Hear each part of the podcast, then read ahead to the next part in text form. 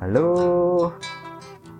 orang-orang muda, orang-orang yang bersemangat muda juga boleh. Pada hari ini kami dari Rompang FIC akan mengadakan bincang santai ya. Banyak yang anu ini ya, aktif ini ya Mbak Jovita, selamat malam. Gimana Klaten? Hmm. Semoga tidak bisa deras ya.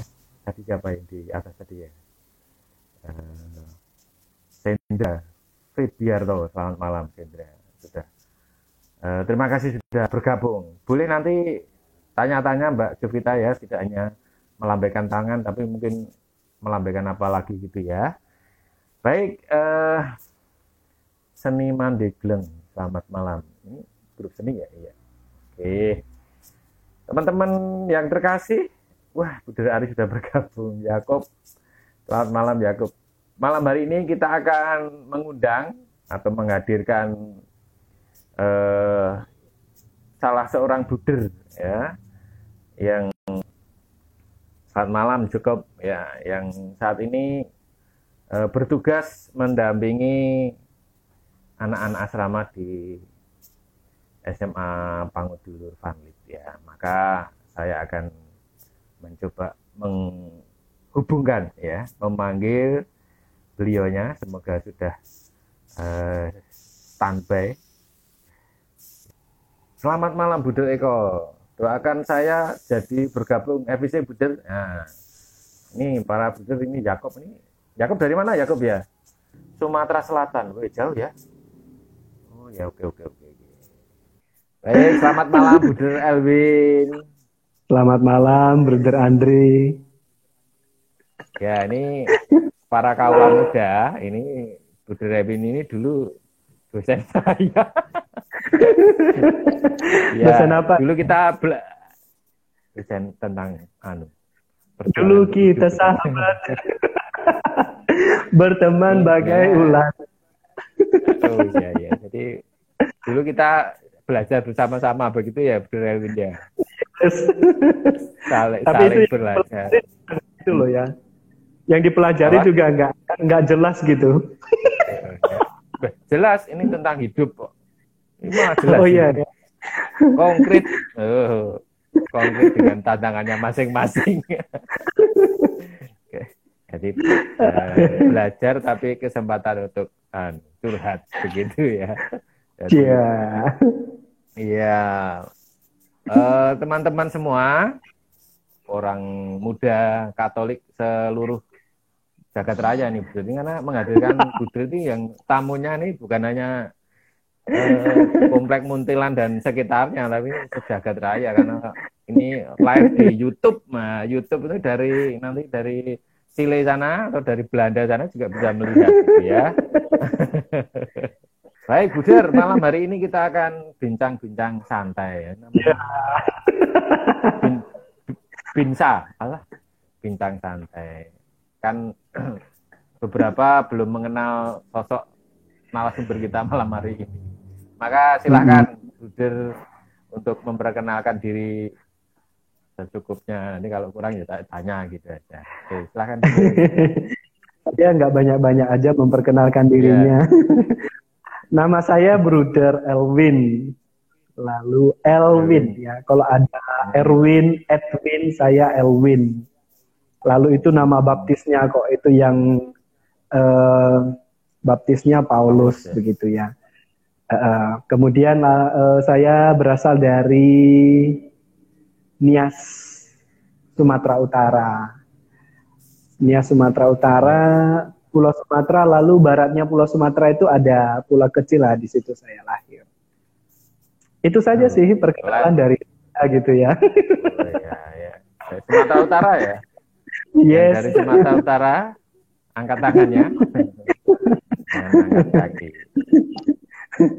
Dari Sumatera Utara, oke. Okay. Uh, eh, Sumatera Utara itu kan tidak ada anu ya, tidak ada kongregasi Buddha atau tidak ada karya Buddha di sana. Ini singkatnya gimana nih bisa mengenal Buddha FIC di Sumatera bagian utara gitu ya? Perkenalan pertama atau mengenal pertama kali KFC gimana Bu? uh, sebenarnya dulu kenalnya Bruder FIC itu juga ada uh, apa? Pertama dari brosur ya, karena kan saya itu anaknya hmm. saleh gitu ya, rajin ke gereja gitu, oh, rajin kegiatan iya. orang-orang ya. ya gitu.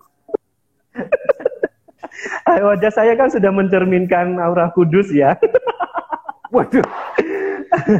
Ya, ya. Uh, ikut kegiatan-kegiatan menggereja begitu Lalu di paroki salah satu paroki di Tangerang pada waktu itu di di Mading paroki itu ada beberapa apa namanya brosur kongregasi gitu ya.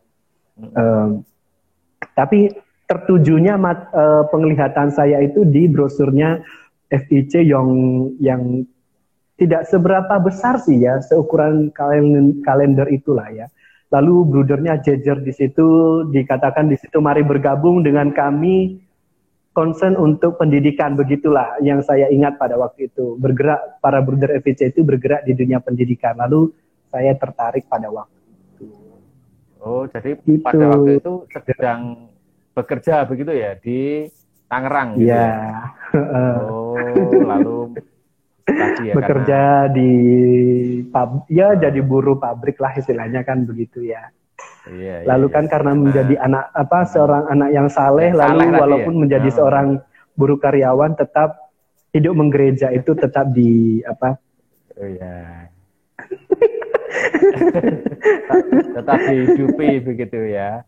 Oke, setelah perkenalan uh, uh, masuk tahun berapa Buder jadi Buder? Masuk pembinaan tahun berapa? Saya itu masuk jadi saya masuk pembinaan itu tahun 2009 ya. Mm-hmm. Berarti 2009. sekarang ya sekitar 11 tahun lah. Jadi Wih, bruder itu 11 tahun. Ya kalau yeah. berarti sudah sangat mendiam. sudah lama ya, sudah tua. Enggak lama sih ada yang lama, ya masih ada yang lebih tua gitu. Kamu jangan membahas yang itu dulu. Usahamu. Iya. Yeah. semangatnya itu kan tetap Jangan muda, membahas betul. usiamu. Usia tua ya, semangat, dong. Oh, ada Romo juga. Selamat malam Romo. Oke, okay, hmm. 2009 masuk berarti 2012 profes ya. Sejarah singkat tugas kerasulan Buden sejak uh, kau sementara. Jadi ya, 2009 hmm. Hmm, 2009 itu masuk, kaul pertama itu 2012 gitu, lalu tugas pertama itu di Kalimantan Barat. Halo Kalimantan Barat, khususnya Ketapang nah, ya, Ketapang. Ketapang. Bruder FIC kan ada di sana. Dulu saya menemani anak asrama di di mana itu namanya di di BPK namanya ya, di asrama WPK hmm. Wisma Putra Kusuma. Dan itu anak-anaknya kan berasal dari pedalamannya, pedalaman Kalimantan begitu. Maka uh, karya para bruder FIC itu merambah sampai ke pelosok-pelosok Kalimantan seperti itu. Dan peserta atau penghuni asrama itu adalah mereka yang memang uh, ingin bersekolah di Pangudi Luhur di kota, katakan begitu, di kota Ketapang, di kota di SMA Yohanes ataupun di SMP Albertus, lalu mereka para bruder itu menyiapkan asrama lah. Asrama hmm. itu dikelola oleh para bruder FIC. Kemudian saya tahun 2012 di situ sebagai pamong. Pamong itu ya teman teman-teman anak asrama begitu ya. Lalu hmm. mengapa mereka tidak, tidak mau bekerja eh, sekolah di pedalaman uh, tidak sekolah luhur tetap ada tetapi kan mungkin mereka ingin ingin ingin lebih maju selangkah dari dari apa namanya dari sekolahnya mereka di sana Pangudi Luhur lalu mereka masuk ke kota begitu. Nah, kota ketap apa namanya Pangudi Luhur yang di mana di Yohanes kemudian Saint Albertus itu kan terletak di kabupaten Ketapangnya dan di kotanya, maka mereka lebih mungkin lebih tertarik untuk masuk ke sana begitu. Walaupun kualitasnya sama baik yang di di pedalaman maupun Ketapang. Di Ketapang berapa Begitu. tahun berarti ya? 2012. Saya 2012 sampai 2014 saja, brother. Saya itu singkat-singkat di satu tempat. Sudah suci. 2014 ya. 2014 iya. lalu pindah ke Jogja. 2014 sampai 2016 ya saya di Jogja. Kemudian 2016 sampai 2018 itu saya di Sedayu. Walaupun uh, waktunya di Sedayu eh, Jogja dan Sedayu itu masih uh, masih dihitung sebagai Jogja, tetapi itu sudah pindah komunitas gitu ya. Selama di Jogja itu saya kuliah gitu. Lalu pada waktu itu hanya dua tahun di komunitas Jogja, saya dipindah ke komunitas Dayu, lalu melanjutkan eh, apa namanya kuliah juga di di komunitas Dayu itu. Mau tahu kan tempat jurusan apa, Budir? Di... tahu tahu. Terus jurusan apa, Budir? saya nggak mau menyata, menyampaikan Bruder Andre yang mau menyampaikan. Oh ya, ya, ya, oke lah. Di Budi ini kuliah di jurusan teologi Sanata Dharma ya. Jadi dia kalau bahasa itu tadi bahasa anak salah itu teolog, oh, ya teolog. Oke, itu tadi riwayat singkat kerasulan. Terus sekarang dia tugas di mana Budi? Sekarang ini? Ya, sekarang di. Uh, sekarang saya tugasnya di SMA Panguduluhur Vanlit Muntilan dan itu juga khusus asramanya. Oh iya. Jadi itu, dari oh, awal spesialis asrama ya dulu Pak. Sekarang itu ya masih hmm. membawi uh, apa asrama gitu ya, membawi asrama. Maksudnya itu menemani di iya, asrama yeah, yeah. gitu. Baik. Nah, uh, orang-orang muda, teman-teman muda tadi sudah memperkenalkan tentang riwayat eh, kerasulan, juga riwayat pendidikan. Ini ada pertanyaan mau dijawab dulu atau gimana ini? Panggilan hidup manusia menurut pandangan gereja Katolik. Nah, lo, teolog ini jawabannya.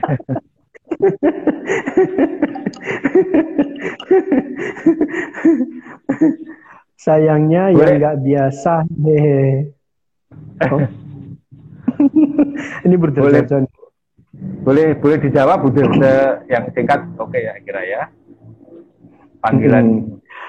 Kalau manusia. tidak uh, kalau panggilan hidup manusia itu menurut gereja Katolik gitu ya mungkin lebih nanti kita menyasar pada tujuan tujuan hidup manusia menurut gereja tentu tujuan manusia menurut Allah gitu ya.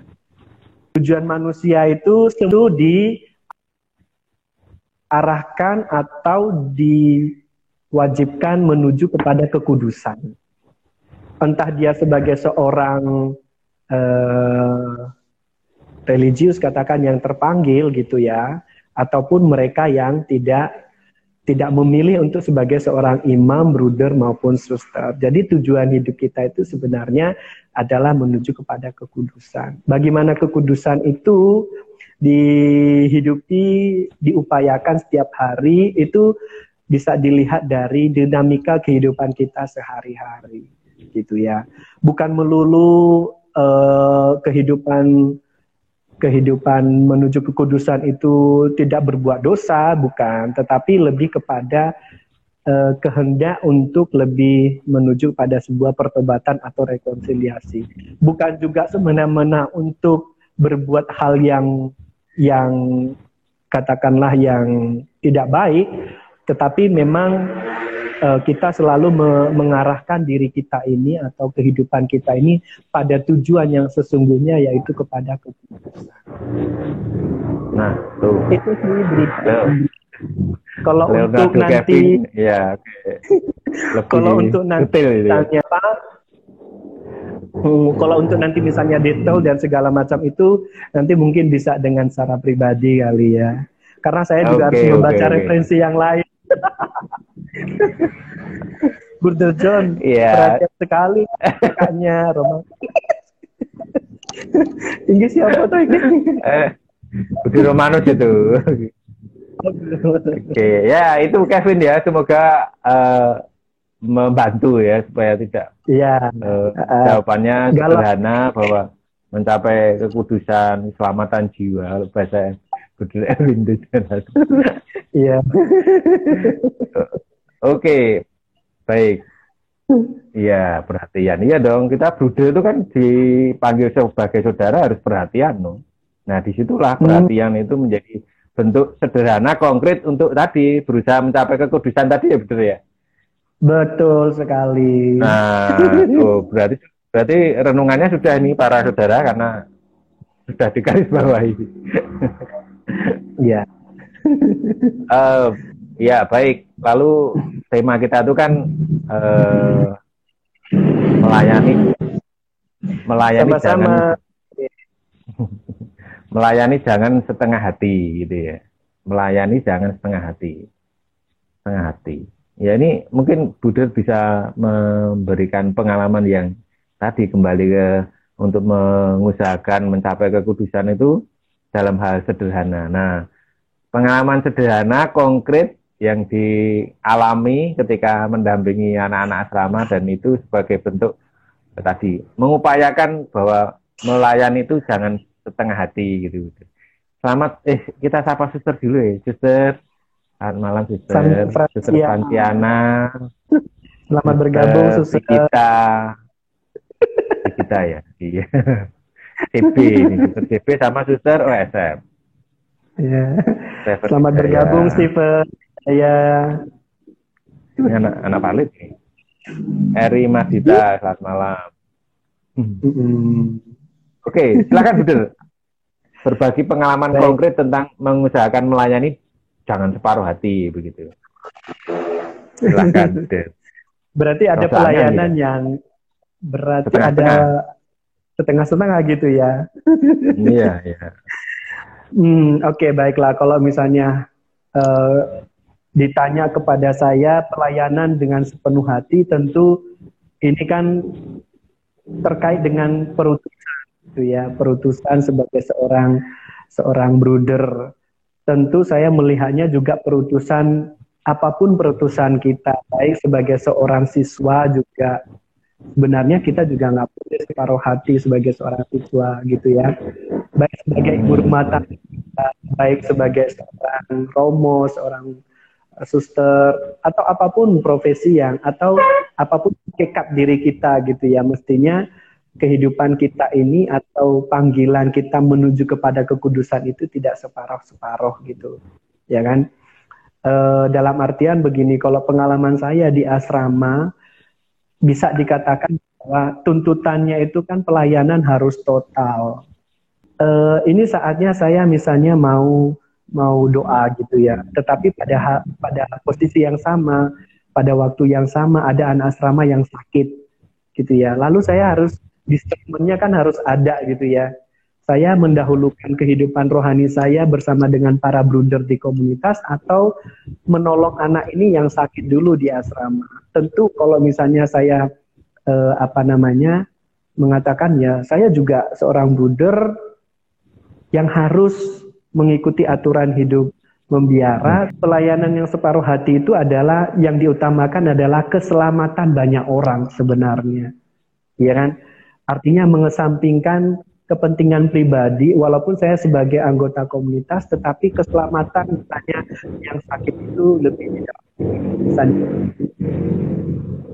Kemudian misalnya pelayanan eh, misalnya ada anak yang memang mungkin membutuhkan kehadiran misalnya seorang bruder di asrama misalnya uh, mau omong-omong dan segala macam pada pada pada waktu itu saya juga belum misalnya belum belum makan malam atau mungkin mungkin belum makan siang gitu kan.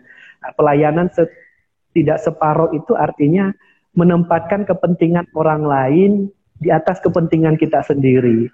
Memang susah ya susah. Tetapi tetapi kalau ini menjadi sebuah habit, saya pikir kita bisa mengusahakan itu. Saya itu lebih banyak bisa bercerita di asrama karena memang kalau dari rutinitas atau ritme kehidupan saya lebih banyak di asrama, maka saya bilang tadi yang paling yang paling uh, bisa dikonkretkan itu adalah kehidupan di asrama. Kalau misalnya ada anak asrama yang sakit, berarti kan para bruder atau saya sendiri harus siap 24 jam, sebagaimana juga orang tua mereka memberi pelayanan yang seperti itu. Jadi total ya istilahnya kan total mengesampingkan kepentingan pribadi. Begitu sih Bruder Andri. Saya pikir juga Ya. para bruder yang bisa mengupayakan begitu. Iya, jadi bisa secara garis bawahi yang tadi ditekankan Budur Ewin itu melayani jangan separuh hati itu berarti ada total di situ. Lalu yang kedua memang mengorbankan tanda kutip kepentingan diri ya demi keselamatan jiwa orang lain. Nah, ini kita menggunakan keselamatan jiwa begitu. Lah kita sapa lagi yang sudah bergabung. Iya, halo. Suster. Iya, Suster Agustina SDP. Totalitas tanpa batas. Iya, betul. Ini Mas eh kok Mas Bude Stefanus ini, Stefanus FIC. Totalitas tanpa batas. Kopi manis Koptari bergabung. Selamat malam yang eh, bergabung di Kopi manis Koptari ya. Baik, itu pengalaman konkret tentang melayani jangan separuh hati ya. Lalu Ya. bagaimana pengalaman orang-orang muda sekarang? Iya toh? Bagaimana melayani? Kalau dihubungkan nanti dengan kitab suci hari ini atau hari Minggu, nah, itu sebuah talenta ya. Talenta bagaimana menggunakan berusaha untuk menjadikan talenta itu semakin bermakna, bermakna, bermakna. Iya, full, iya full, betul, Buder Stefanus, ya full tank gitu ya istilahnya ya, total gitu.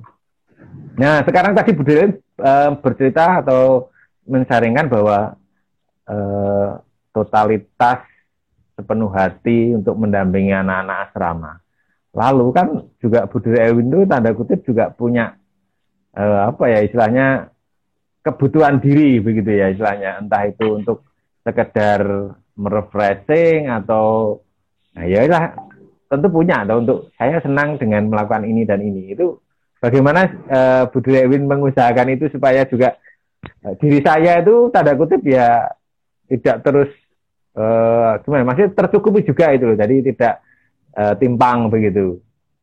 Iya, iya. itu ada kalanya timpang tapi ada kalanya juga aku seneng iki aku seneng itu gitu. Gimana Budar pengalaman Budar kopi manis Oke, tentu saya tidak memungkiri hal itu ya artinya juga Hmm. eh, selain menempatkan kebutuhan orang lain di atas kepentingan saya sendiri, saya juga butuh Hmm. yang namanya me time gitu ya, waktu untuk diri saya no me sendiri. time Tuh, bahasa Inggris bahasa Inggris Eh, guys Guys, me time itu bisa saya lakukan ketika memang ini tadi ya, karena pelayanan itu tidak boleh separuh-separuh. Bisa saya lakukan ketika, ketika, ketika semuanya kepentingan orang lain itu sudah safe. Misalnya kan begitu. Hmm. Atau kepentingan pribadi saya itu sebagai seorang bruder katakanlah seperti itu saya laksanakan ketika ketika ketika sebelum saya memberi pelayanan untuk orang lain. Misalnya begini. Sebelum saya masuk di asrama gitu ya. Saya melakukan aktivitas berdoa dulu dengan para bruder. Atau atau mungkin pada waktu itu juga jam berdoa di asrama ya saya ikut berdoa di asrama. Kemudian lalu setelah itu nanti baru baru apa namanya baru bergabung baru memberi pelayanan kepada orang lain. Kemudian yang kedua, time mungkin tidak hanya yang rohani gitu ya, tidak hanya yang rohani. Ya sekarang mungkin teman-teman juga tahu gitu ya, misalnya salah satu aplikasi yang bisa kita pakai misalnya SM Star Maker itu bernyanyi walaupun suara Oh. saya itu kadang-kadang eh, selenco ya tidak enak untuk didengar, tetapi saya butuh waktu-waktu seperti itu untuk me time gitu. Nah, me Oke.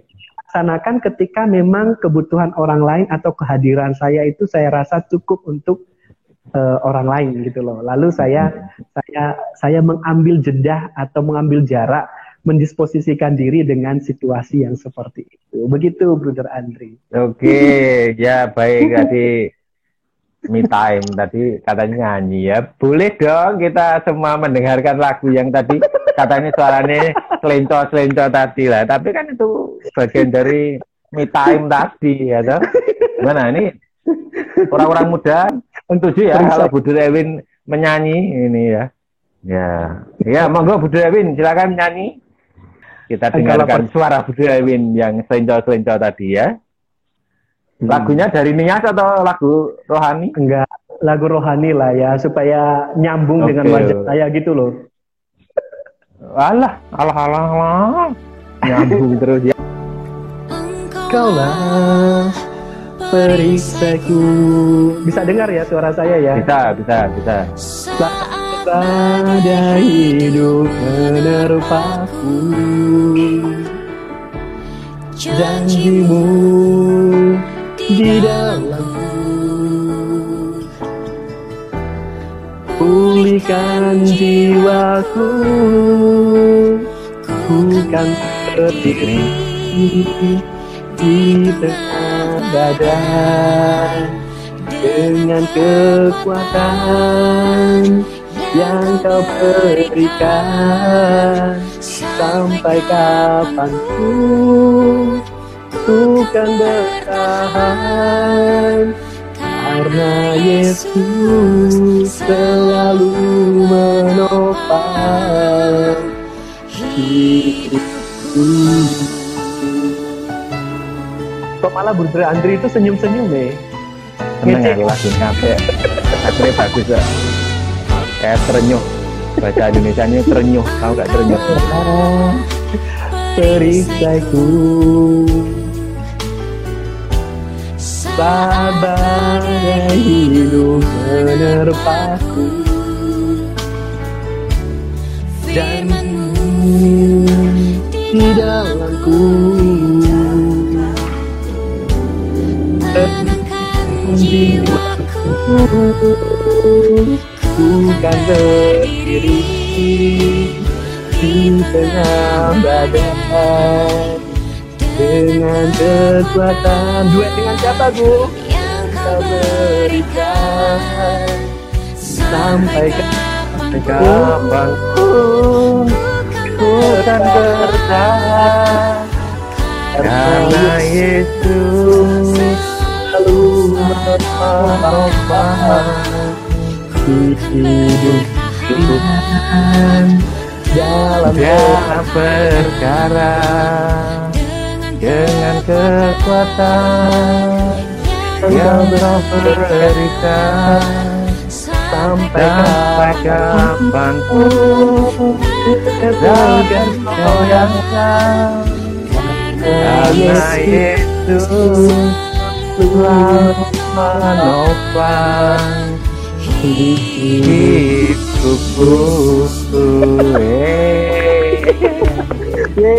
ya.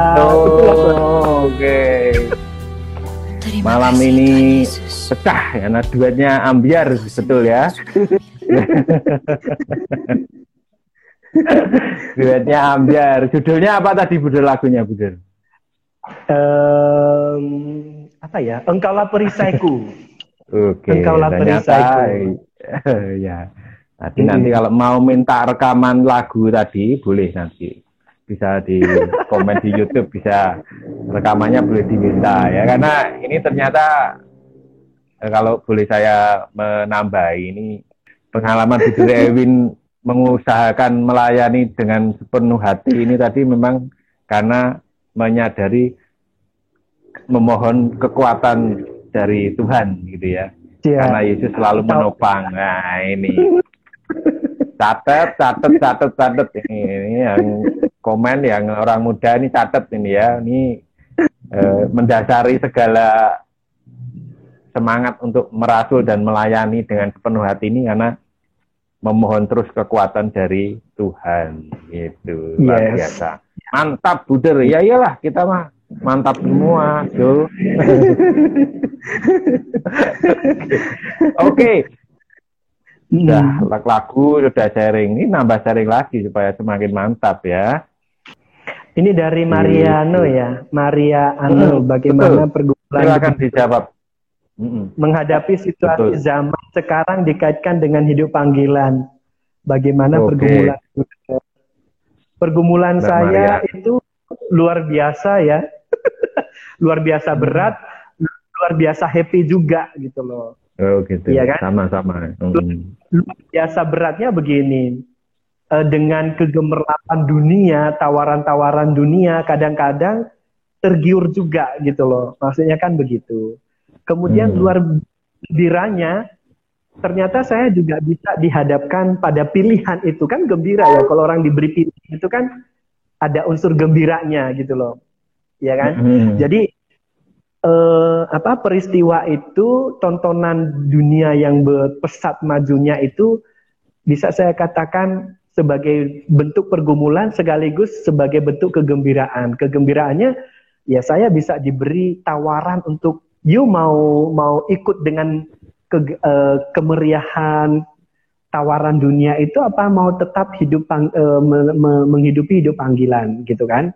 lalu bagaimana menyiasati itu Mbak Mariano Mbak kembali kepada uh, pilihan dasar menjadi uh, brooder itu dulu siapa sih yang mau menjadi seorang brooder gitu ya tentu saya sendiri ya yang menjadi seorang brooder gitu ya bahwa hmm. ada tawaran kenikmatan zaman sekarang itu adalah hal yang perlu disyukuri dan harus perlu juga diwaspadai gitu loh.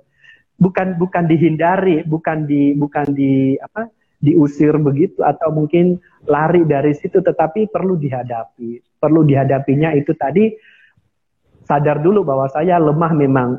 Siapa sih yang tidak mau mengikuti kenikmatan dunia ini gitu ya?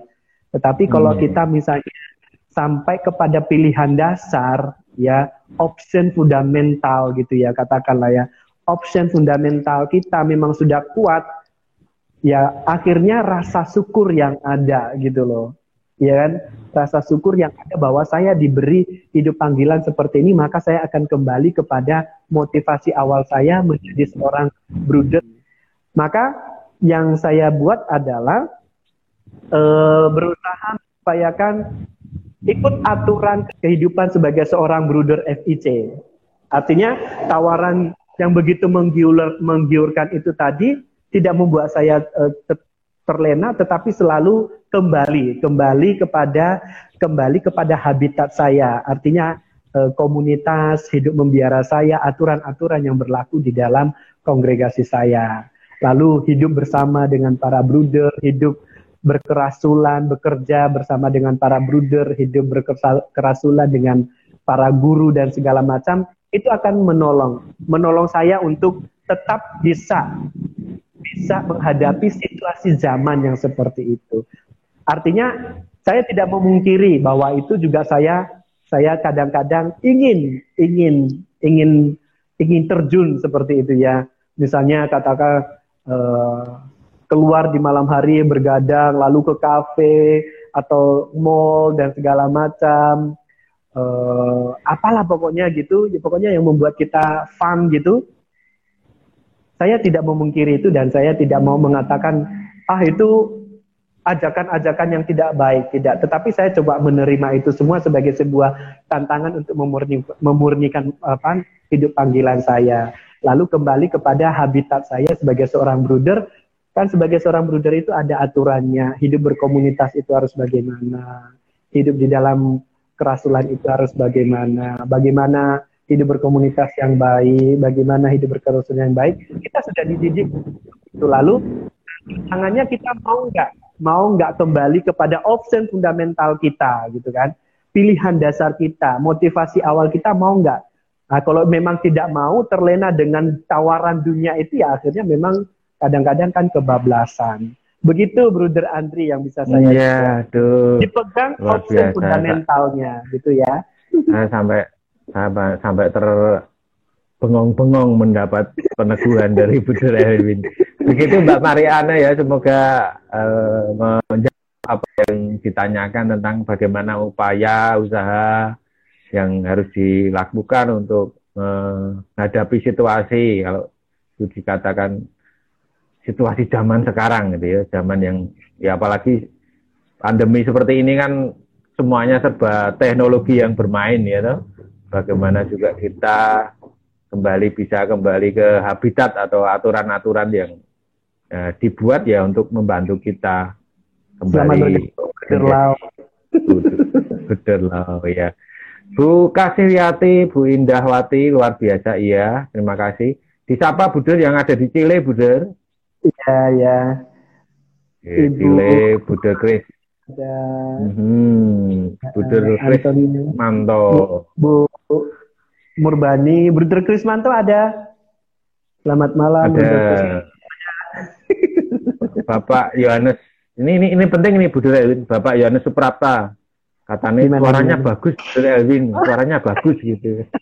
Makasih, Pak. Suara bagus itu juga dipengaruhi oleh aura doa gitu kan. Waduh. Nah, kalau bicara dengan Buder Elwin itu harus tangan saya harus tetap begini gitu. Iya kan? Mestinya kan Iya, iya, iya. suara para bruder jadi bagus karena apa? Aura doa setiap pagi, sore, ditambah ekaristi Oh, itu iya, kan iya, iya. ketemu Hmm, semua oke. ya, ketemu semua sehingga Iya. kelihatan lebih eh, semringah gitu loh. Termasuk suaranya. Habis anu apa minum minum obat semeringah itu. Oke teman-teman orang muda dan mungkin ada bapak ibu yang masih setia stay tune di channel YouTube-nya Budur FIC atau di Perumpang FIC ya tanggal 21 November itu tepatnya hari Sabtu minggu depan ini Buder kongregasi kita tuh kan merayakan 180 tahun FIC Yes. hadir di hadir di dunia. Maka kita akan Ya. menyelenggarakan live eh, seperti ini, tapi eh, memakai Zoom, Buder ya. Ya, Jadi mungkin nanti bisa teman-teman atau siapa pun bisa bergabung ya, ya, ya. Nanti kita lihat perkembangannya mereka yang mau daftar atau mereka yang ikut bergabung. Nah di situ eh, boleh saling bertanya, berbagi kesempatan karena momennya memang momen yang luar biasa. Eh, ikut bersyukur 180 tahun FIC hadir di dunia begitu Buder. Jadi silakan Buder juga mengajak para eh, anak-anak asrama boleh. gitu ya boleh tanya-tanya begitu atau boleh kasih semangat tuh ya, ini Relia Ya. ini Budukis di Chile. Oke, ini mungkin pertanyaan terakhir, mungkin loh ini ya. Kalau memang tidak ada yang bertanya, kalau Hmm. saya bertanya gambaran, wis, gambaran ideal tentang pemuda masa kini itu yang diidealkan seperti apa kalau melihat perkembangan. Apakah jawabannya? Ada pertanyaannya kayak sulit atau gimana nih? gambaran mungkin lebih kepada harapan kali ya, harapan Oh, iya. Harapan untuk orang muda misalnya begitu.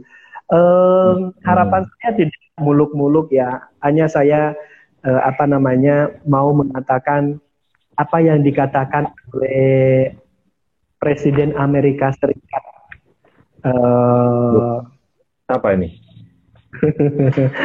Abraham Lincoln, Abraham Lincoln Oke. gitu ya. Abraham Lincoln itu adalah Presiden Amerika Serikat yang ke-15. Dia mengatakan eh, masa depan itu harus direncanakan. Ya, lalu kita sebagai orang-orang muda gitu ya, kehidupan ini harus direncanakan. Tapi mungkin tidak hanya sebatas untuk orang muda, kita juga sebagai ibu rumah tangga atau bapak rumah tangga, eh bapak rumah tangga sebagai Iya, kepala- Bapak rumah tangga, bener dong. oh ya ya sebagai bapak apa gitu harus selalu merencanakan membuat sesuatu perencanaan yang yang yang matang di dalam kehidupan untuk meraih masa depan gitu ya kemudian Hmm. eh, ketika saya menghubung-hubungkan bahwa kehidupan ini harus direncanakan, masa depan ini orang-orang muda harus direncanakan, lalu saya kaitkan, saya hubungkan juga dengan pendapatnya Albert Einstein gitu ya. Kehidupan yang harus direncanakan itu harus disandingkan dengan eh, posisi kehidupan yang sadar. Einstein mengatakan begini, hidup yang tidak waras itu begini, Eh, kita mau mem- me- kita memimpikan sesuatu yang sangat tinggi, tetapi pola kehidupan kita masih tetap pola lama. Buatlah semacam terobosan-terobosan di dalam hidupmu, ya, hidupmu sehingga menjadi sesuatu yang baik untuk di kemudian hari. Terima kasih, Bruder Andri. Kemudian saya menutup dari apa yang misalnya dalam kitab suci gitu ya. Saya misalnya tadi hidup dalam kesucian gitu, hidup dalam kesucian karena toh tugas kita, arah hidup kita ini adalah menuju kepada kesucian. Apa pun panggilan hidup kita adalah selalu diarahkan kepada kesucian. Nanti kita bertolak pada Matius 20 ayat 1 sampai 16 itu dikatakan kita masih ingat ya gitu ya. Eh, kebun anggur Tuhan itu baik yang datang pertama maupun yang berikutnya maupun yang terakhir itu upah Lah kalau kita bandingkan dengan panggilan hidup kita masing-masing, apa pun jenis panggilan hidup kita atau profesi kita, toh upah kita itu sama. Hanya saja nanti bagaimana kita melakoni kehidupan ini dan cara kita untuk bersyukur. Oke, begitu Bruder Andri. Enggak baik, itu tadi sudah ini uh, menjawab Bruder Andri. Menjawab harapan. Hmm, gimana, Bruder? Kriteria yang bagaimana harapan Bruder FVC untuk kaum muda zaman sekarang. Oke. Okay. Kriteria, kriteria. Oh, kriteria kalau dikatakan kriteria itu kan menjadi sebuah patokan gitu ya. Kriterianya adalah orang muda zaman sekarang pertama harus memiliki perencanaan di dalam hidupnya. Kemudian yang kedua hiduplah dalam kewarasan. Ya toh?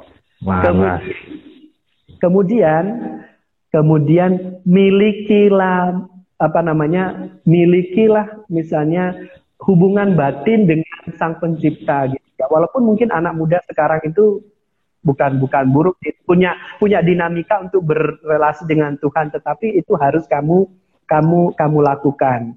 Kemudian milikilah passion passion itu adalah panggilan jiwa, ya panggilan jiwa. Kalau kamu sudah punya passion, panggilan jiwa, apa pun tantangan di dalam dirimu, kamu akan fokus kepada passionmu, ya. Begitu Bro Andri. Jadi tiga ya. kriterianya itu punya perencanaan, kemudian hiduplah waras, ya. Terima kasih sekali lagi yang sudah bergabung baik di YouTube sama di Instagram mohon maaf kalau mungkin tidak bisa kami sapa satu persatu, tapi kami ingatkan untuk tanggal 21 November kita akan mengadakan Zoom sekali lagi dalam rangka rasa syukur Terima kami. kasih sama-sama 180 Pak. tahun FIC berkarya di dunia, maka boleh yeah. bergabung di situ, boleh nanti akan dikirim linknya ya, dikirim linknya ya. Yeah. Lagi terima kasih Gervasius ya. Makasih banyak Bu Lewin ya. Sama-sama. Saja saja. Oke, Buder ya. Albert BM juga tadi bergabung. Komunitas doa Santo Yosef, ya terima kasih sudah bergabung. Yosef Surakarta, Step Ngadenan, dan seluruh para guru kalian dan komunitas doa ini selalu mendukung Buder EPC. Baik, ya. terima kasih sekali lagi Buder Ewin untuk sharing-sharingnya pengalaman juga perjuangannya itu ada kertas apa? Tetap semangat, jaga protokol. Iya, sekali lagi mohon maaf jika ada banyak salah kata, kekurangan dari kami. Kami tunggu tanggal 21 November ya. Nah, 2020 nah. lewat link Zoom nanti akan dikirim oleh tim kami. Begitu selamat malam semuanya, selamat malam Budri Elwin dan selamat melanjutkan malam minggunya tetap semangat dan mari berjuang bersama-sama untuk mencapai kekudusan dalam kesederhanaan dan tugas sehari-hari. Begitu ya, Bu Ewin? Mungkin masih ada yang okay. disampaikan, Bu Ewin? Cukup, cukup seperti oh, itu. Aja. Besok Baik, sekali lagi terima kasih. Akan... Oke, sip, sip. Iya, terima kasih sekali lagi semuanya selamat malam. Berkah dalam, Tuhan memberkati, jaga kesehatan dan tetap semangat, sehat semua. Selamat malam, sampai ketemu.